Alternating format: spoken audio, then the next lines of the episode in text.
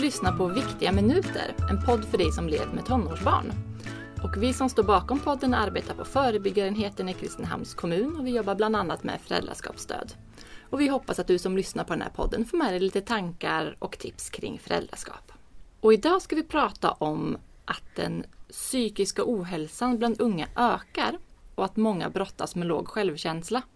Och beror allt på Snap, Instagram, Youtube och att det är fullt med vackra lyckade människor eh, eller beror på någonting annat? Och finns det något som föräldrar kan göra för att motverka den perfekta bilden? Hur kan man som förälder tänka kring ens barns självkänsla? Och jag som pratar heter Klara Tuvesson och eh, vi har idag med oss Johanna Östlund. Mm, hej. På förebyggarenheten och Linda Fetiu på förebyggarenheten. Hallå hallå! Hej! I vintras träffade jag en tonårstjej som hade problem att komma till skolan i tid. Och skolan var orolig och föräldrarna var oroliga och det här var någonting som tog mycket tid.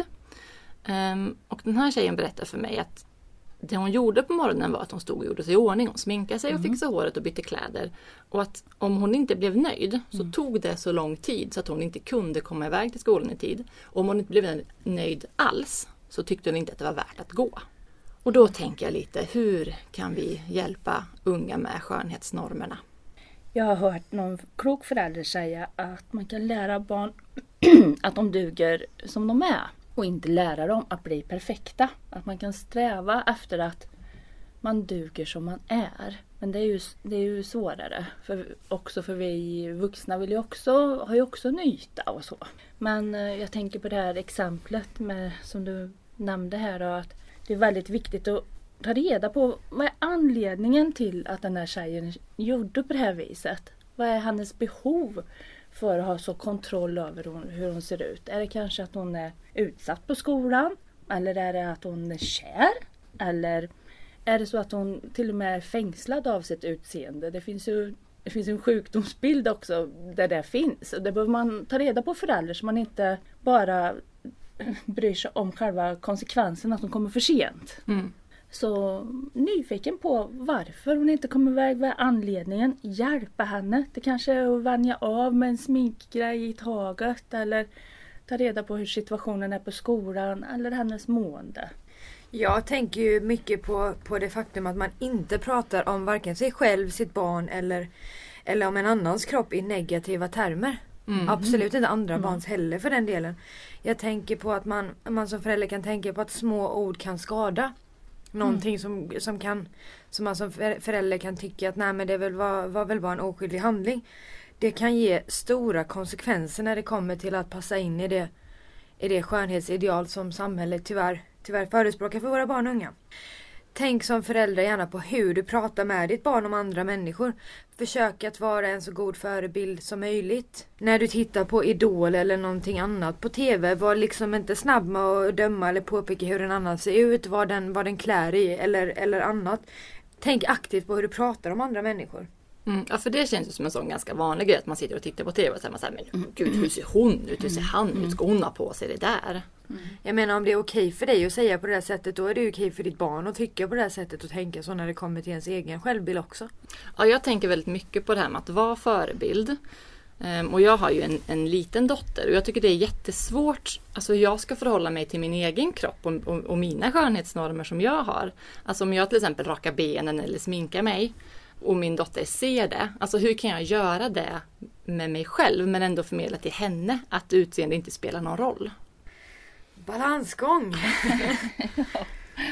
Ja men det jag tänker att vi har ju en yta som många människor, många vuxna, kanske vi här som sitter när vi kommer hem så klär vi ner oss. Vi sätter på oss skönare kläder och man kanske går runt i trasiga kläder och man trivs egentligen bäst att se ut så. Men för att passa in i, i jobbsituationer och inte bli så bedömd och utav andra på ett tokigt sätt. Det där är en riktig toka, se hur hon ser ut. Så sätter vi också själva på oss ett fodral när vi går iväg. För, och då menar jag att då kanske man ska hjälpa barn också att problematisera det där att prata om det.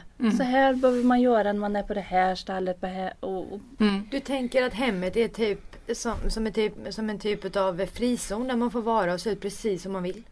ja, den frizonen försöker vi förmedla att den även sträcker sig utanför hemmet men det, det gör den ju de facto inte. Nej. Och även om vi vill att våra barn ska vara bekväma och få vara sig själva så kanske inte den där stilen som är, som är jätterolig och passar våra barn jättebra passar jättebra på anställningsintervju. Nej, precis. Så det är ju så som förälder, man vill både skydda sitt barn, hjälpa det att passa in samtidigt som man vill att det ska få vara fri och vara sig själv. Och så vill man inte att det ska råka illa ut. Men man kanske kan försöka prata om det här. Eh, hur, vilka kläder man ska ha på sig, att de är vackra som de ser ut och att de är jättevackra. Men i det sammanhanget kan det bli att man blir bedömd på ett annat sätt. Mm. Jag tänker också att vi behöver hjälpas åt att prata om att en yta just är en yta. Mm. Vi har ingen aning om vad människor på Instagram och eh, de här som har gjort sig ordning, de har lagt filter, de kanske är retuscherade. Vi har ingen aning om hur de mår.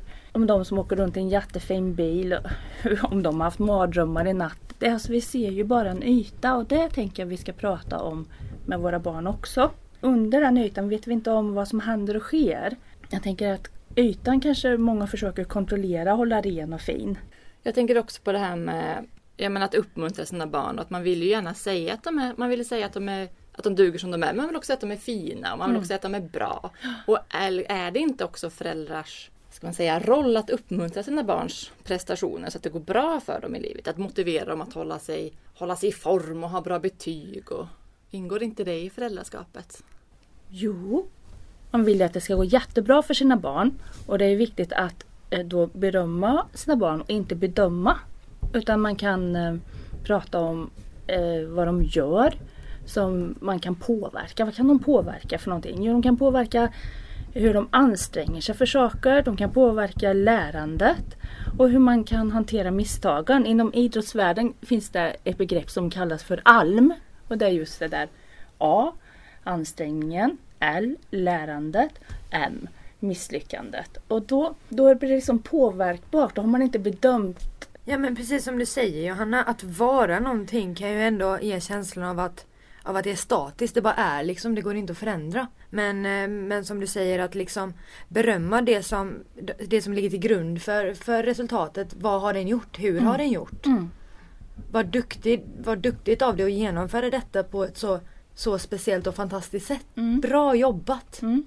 Istället för att, som du sa, mm. du är smart. Mm. Finns det några mer eh, tips på? För jag, jag tänker att man fastnar ofta som förälder i vad fin du är, vad duktig du är, um, vad, vad snabb du är. Vad, alltså så. Mm. Mm. Man kan exempelvis säga att det var snällt gjort av dig. Om ditt barn har plockat bort disken efter sig och inte säga inte vad, vad snäll du är. Ja, eller vad, vad, vad duktigt att du plockar bort utan vad, vad snällt att du plockar ja, bort. Ja men precis, mm. beröm handlingen den har gjort.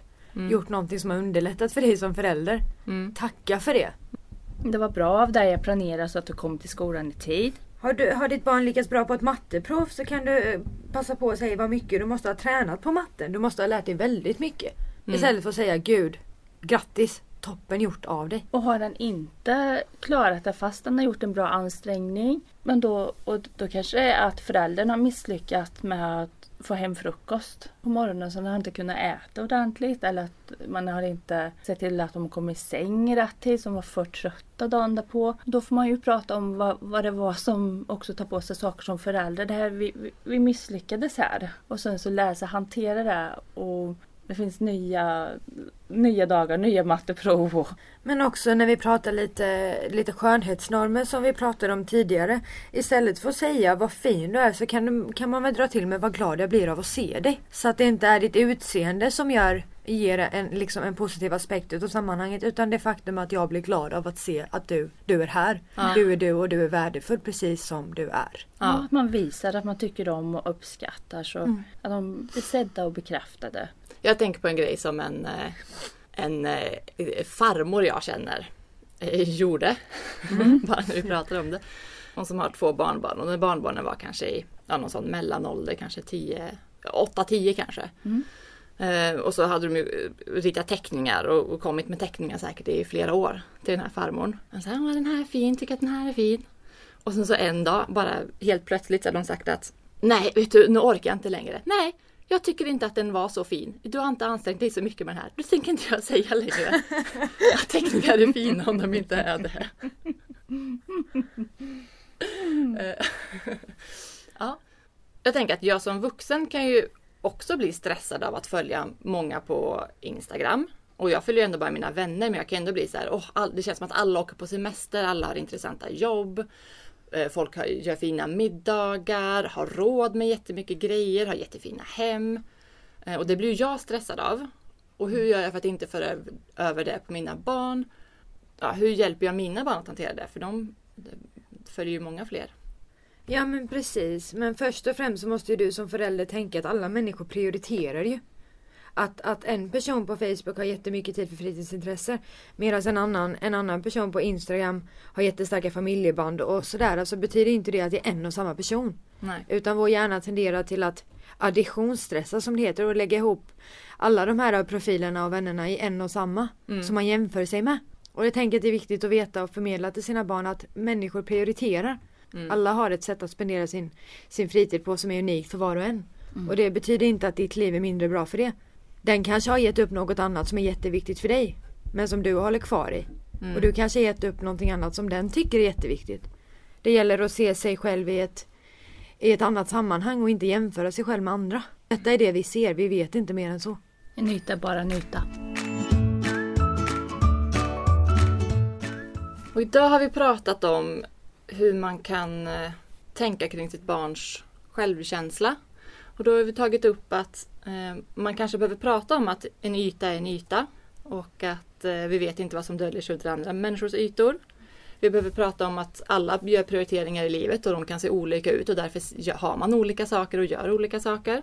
Vi har pratat om att man inte ska prata illa om sin egen kropp eller framförallt inte barnens kroppar eller andras kroppar. Vi ska inte kommentera människor vi ser, vad de har på sig och hur de ser ut. För då för vi över det på våra barn. Och vi har pratat om att berömma, inte bedöma. Alltså lyfta det som man gör och inte det man är.